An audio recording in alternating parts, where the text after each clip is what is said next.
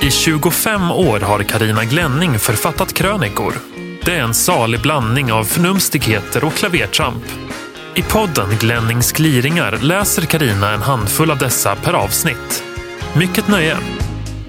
God dag i stugan. Välkommen till avsnitt 51 av Glennings gliringar. Idag ska vi prata lite grann om besserwissrar och om hur jag förvandlades till en Cruella de Vil. Stammen bör decimeras. Dessa besserwissrar, vad ska vi ta oss till med dem? Skicka dem på arbetsläger i Sibirien? Tvångsinjicera ödmjukhet i skallarna på dem? Du har säkert också någon i din omgivning, på jobbet, i släkten eller bekantskapskretsen. Han som alltid vet bäst. Världsupplysaren. Oavsett om ämnet är närodlad kålrot, kvantfysik, travsport eller vattenklosettens historia så sitter besserwissern inne med den ovedersägliga sanningen. Han eller hon maler och maler, undervisar sin omgivning och låter ingen annan komma till tals med mindre än att man höjer rösten och överröstar besserwissern. Ofta är besserwissern en sådan som högt och gärna tillrättavisar människor i sin omgivning. Med illa dold stolthet och skadeglädjen lysande i ögonen inleder besserwissern sin uppsträckning ungefär så här. Ja, nu råkar jag känna till att det faktiskt förhåller sig på följande vis. Bla, bla, bla, bla, bla, bla, bla, bla. Besserwissern tillrättavisar inte sin omgivning av storsint vilja att lära ut något, utan för att han hon vill att andra ska känna sig underlägsna och man själv därmed framstå som bättre. Att ha rätt är inte det primära för besserwissern, utan att vinna. Den värsta avarten ger sig aldrig någonsin. Om så en samlad forskarelit står enad vägrar de hårdnackat att vika en tum, i alla fall utåt sett. Det vore ett nesligt nederlag. Att göra en pudel har de aldrig hört talas om. I själva verket skulle de behöva göra en hel kennel en gång i veckan. Men icke. Fenomenet är totalt obekant för dem. Benhårt och bergfast håller de fast vid sin ståndpunkt om de är så ensamma i hela solsystemet om att hysa den.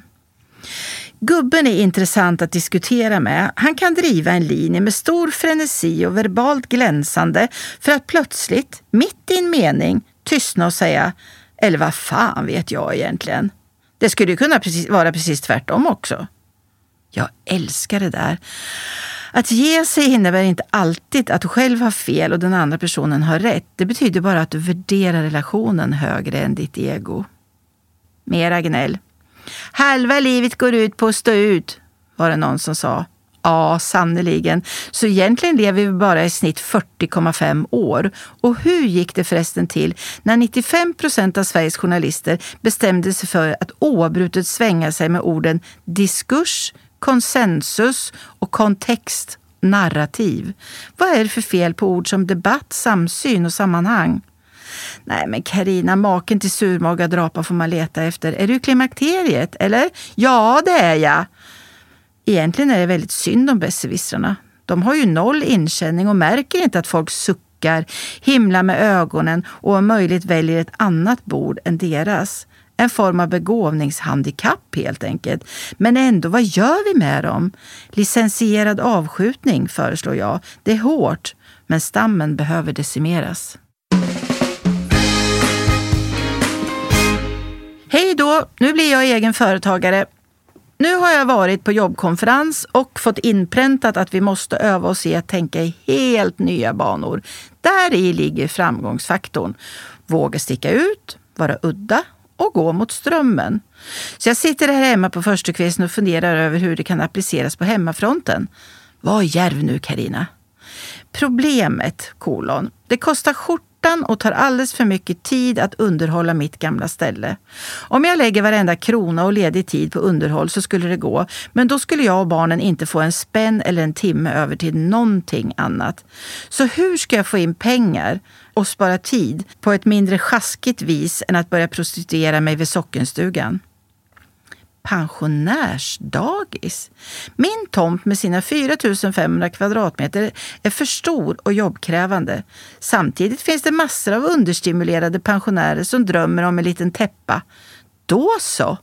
Tio pensionärer får dela upp halva min trädgård mellan sig och göra vad de vill utom att asfaltera.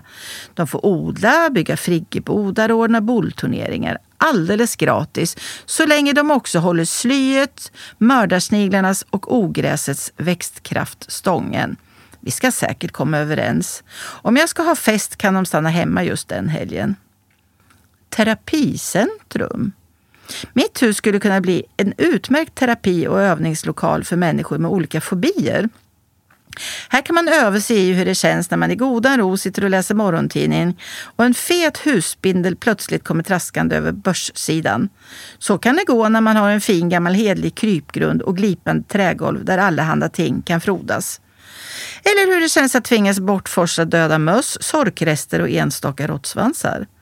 Eller att till sitt rätta element återföra förvirrade fladdermöss, getingar, små ödlor och fåglar. Jag lovar att prissättningen för mina fobikurser ska vara human. Ingen ska bli skinnad. Livet på riktigt. Allt fler människor lever ett second life på nätet. Där skapar man sig en ny, mer attraktiv personlighet, inleder relationer, köper och säljer.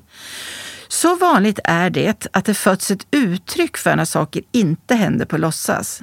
IRL, in real life. I takt med detta frodas längtan tillbaka till det ursprungliga, om än i konstruerad form. Eventsen bortom larmen, långt från det urbana stadslivet, står som spön i backen. Landet är hett. Kom till mig så leker vi bondesamhälle, vet jag. Vi plöjer upp åkrarna med grannens kuse, odlar rovor, slaktar grisar, stoppar strumpor och gör blodpalt tillsammans. Sen läser vi högt för varandra till fotogenlampans sken och sover på halmmadrasser ihop med fladdermössen på sädesmagasinet. 8 till 10 000 kronor per helg och deltagare. Det är väl inte orimligt? Curlingmorsan blir Cruella Duville. Jag är usel. En riktigt dålig människa tänker jag när jag häpet går omkring i min septemberträdgård och noterar att alla växter kring uteplatsen tycks ha blivit luftattackerade av Roundup. För så där är det. Så fort jag själv börjar vara inne istället för ute på kvällarna struntar jag i alla omsorgsfullt planterade sommarblommor och grönsaksplantor. Och jag som duttat och daltat med dem så under hela sommaren, bett andra vattna om jag varit borta några dagar, stöttat tomater med pinnar, ansat tagetes, gullat med trumpetblomman, gjort fri lejd för den totalgalna squashen.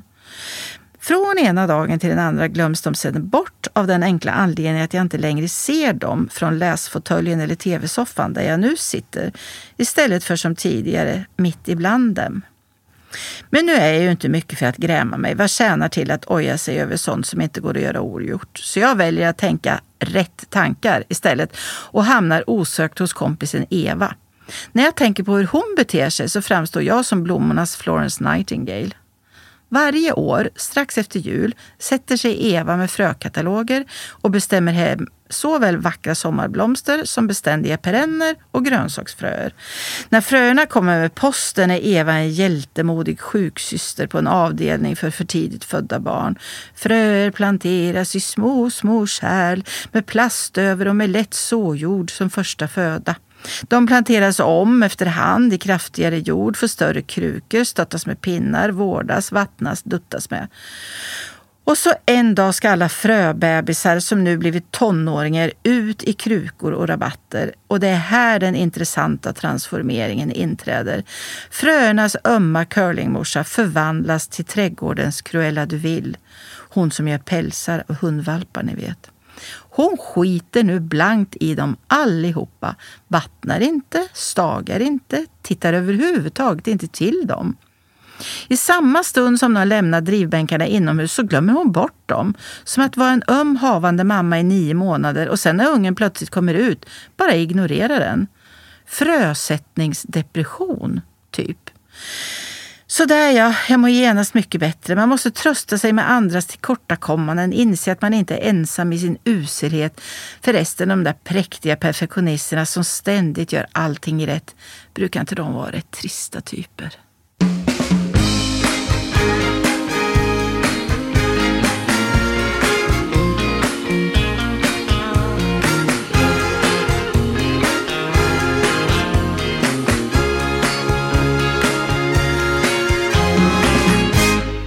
Gubben dyker i containrar.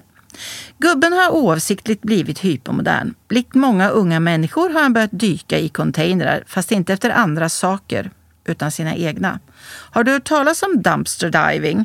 Det betyder containerdykning. Utövarna är på jakt efter fullt funktionella containerfynd som någon annan har slängt men som de själva har användning för. Det är mig vetligen inte så vanligt att 62-åriga gubbar dyker i containrar, men min gör det. Första gången skulle han dumpa lite elgrejer på återvinningsstationen. En trasig utearmatur, en kapsejsad adventsstake och lite sånt där. När allt var slängt i sina respektive containrar satte han sig i bilen för att köra tillbaka till jobbet. Men vänta nu, var var bilnycklarna? Men vad fan! Han hade haft dem i handen när han slängde i den sjuarmade adventsstaken och tydligen råkat hiva i även dem i containern. Gubben gav Mission Impossible en chans, lyckades ta sig ner i den överfulla containern och mot alla odds hitta sina bilnycklar på toppen av metallskrotsberget. Vad är brottsrubriceringen på sådana tilltag? Olaga intrång, allmänfarlig vårdslöshet, egenmäktigt förfarande, lydnadsbrott, allmän dårskap, jag är väldigt tacksam att han inte svimmade eller något där nere i containern för metallskrot. Hade han i nästa led i så fall sorterats som aluminium, koppar eller stål? Med tanke på den karns vilja hade det säkert blivit stål. Häromdagen var det dags igen. Gubben åkte iväg med bilen full av bråte. Allt hade hivats ned i respektive container när gubben fick se en bekant kartong på botten av en container. En kartong full av viktiga dokument som fakturer, jobbhandlingar, försäkringspapper, äktenskapsförord, ett bygglov som skulle transporteras från jobbet till hemmet för att sättas in i pärmar. Den här gången var det för lite skräp i containern för att gubben skulle våga hoppa ned på botten. En anställd på återvinningsstationen kom dock till undsättning med en lång krok och lyckades fiska upp den viktiga kartongen. Jag har tipsat honom om att han skulle kunna förvara viktiga papper i något annat än en banankartong i bilen, typ i en portfölj eller så. Nu har han gått över till plastkassar och det känns verkligen inte så mycket lugnare. Vad ska han oavsiktligt råka dumpa härnäst? Hatten eller katten? Byxan eller yxan? Mobilen. Jag blir numera lite orolig varje gång jag vet att han ska till återvinningsstationen. Jag kan se för mitt inre hur jag en mörk kväll irrar omkring bland återvinningens containrar och förtvivlat gastar. Hallå min älskling! Var är du? Du svarar inte i mobilen och det är snart natt. Är du nere hos däcken, i metallskrotet eller bland det brännbara? Håll käften köksmaskiner! Jag är av den bestämda uppfattningen att hushållsmaskiner ska göra sitt jobb och därutöver hålla klaffen. Tekniken gör ständigt nya landvinningar, brukar det heta. Bah! Tillåt mig hånle. Det finns väldigt mycket att säga om moderna hushållsapparater och dit hör inte att de blir mer och mer praktiska. Har de som designar dem någonsin provat att rengöra dem? Troligen inte. Då skulle de inte ha konstruerat dem med lister och små prång som kräver en arkeologisk utgrävning med specialinstrument. Och ska det verkligen vara helt omöjligt att konstruera en ugn som inte är totalt havererad inuti efter en kyckling som har stekt där och då kräver timslånga behandlingar med något specialmedel? Vi kan klättra omkring på rymdstationen ISS i en omloppsbana utanför jordatmosfären men inte bygga en ugn som klarar en kyckling. Nu visar det sig dessutom att våra husdjur med lätthet drar igång de moderna spisarna med ett måhända oavsiktligt men välplacerat tasttryck på touchknapparna. Själv är jag gammeldags och har en spishäll med vred eftersom jag inte står ut med en spis som börjar pipa så fort jag sätter på den, ändrar temperatur eller stänger av den. Men jag saknar ändå min förra spis med riktiga plattor. Det var ett gammalt ärrat och skitigt åbäke, men rejält. Ett åbäke det åtminstone gick att göra rent. Som man inte såg ut, och som inte såg ut som ett slagfält så fort man dristade sig till att koka två ägg på den. Det räcker att viska ordet kastrull när man går förbi en modern häll så repar den sig. Och kombinationen glashäll och fett borde inte det för länge sedan ha ringt en varningsklocka där. Glashäll och fett. Mikron ska vi inte tala om. Den piper inte en gång när den har gjort sitt jobb, den piper i all evighet. Stötande, högt gällt och uppfordrande. Jag blir lika aggressiv som den som plötsligt skulle spela tysk techno på högsta volym. Likadant gör torktumlaren, men det pipet är på så hög frekvens att jag bara hör det om jag råkar stå tätt intill den. Varför ska en tumlare överhuvudtaget pipa? Själva brummandet från den tystnar ju när den är klar och var i ligger den omedelbara faran för liv och lem med att handdukarna nu är torra. Om det ska larmas ska det larmas när en olycka föreligger. Det gör det inte om de frysta köttbullarna inte blivit helt tinade i mikron eller tvätten är färdigtumlad. Det gör det däremot om någon glömmer frysdörren på glänt.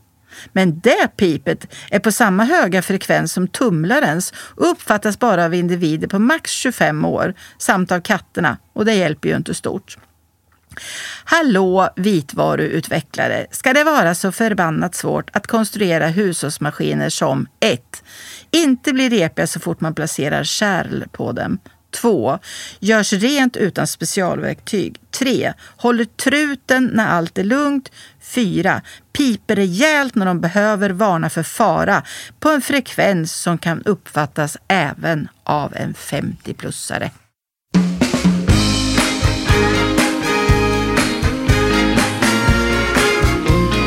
Du har lyssnat på Glennings gliringar. Ansvarig utgivare, Christer Kustvik.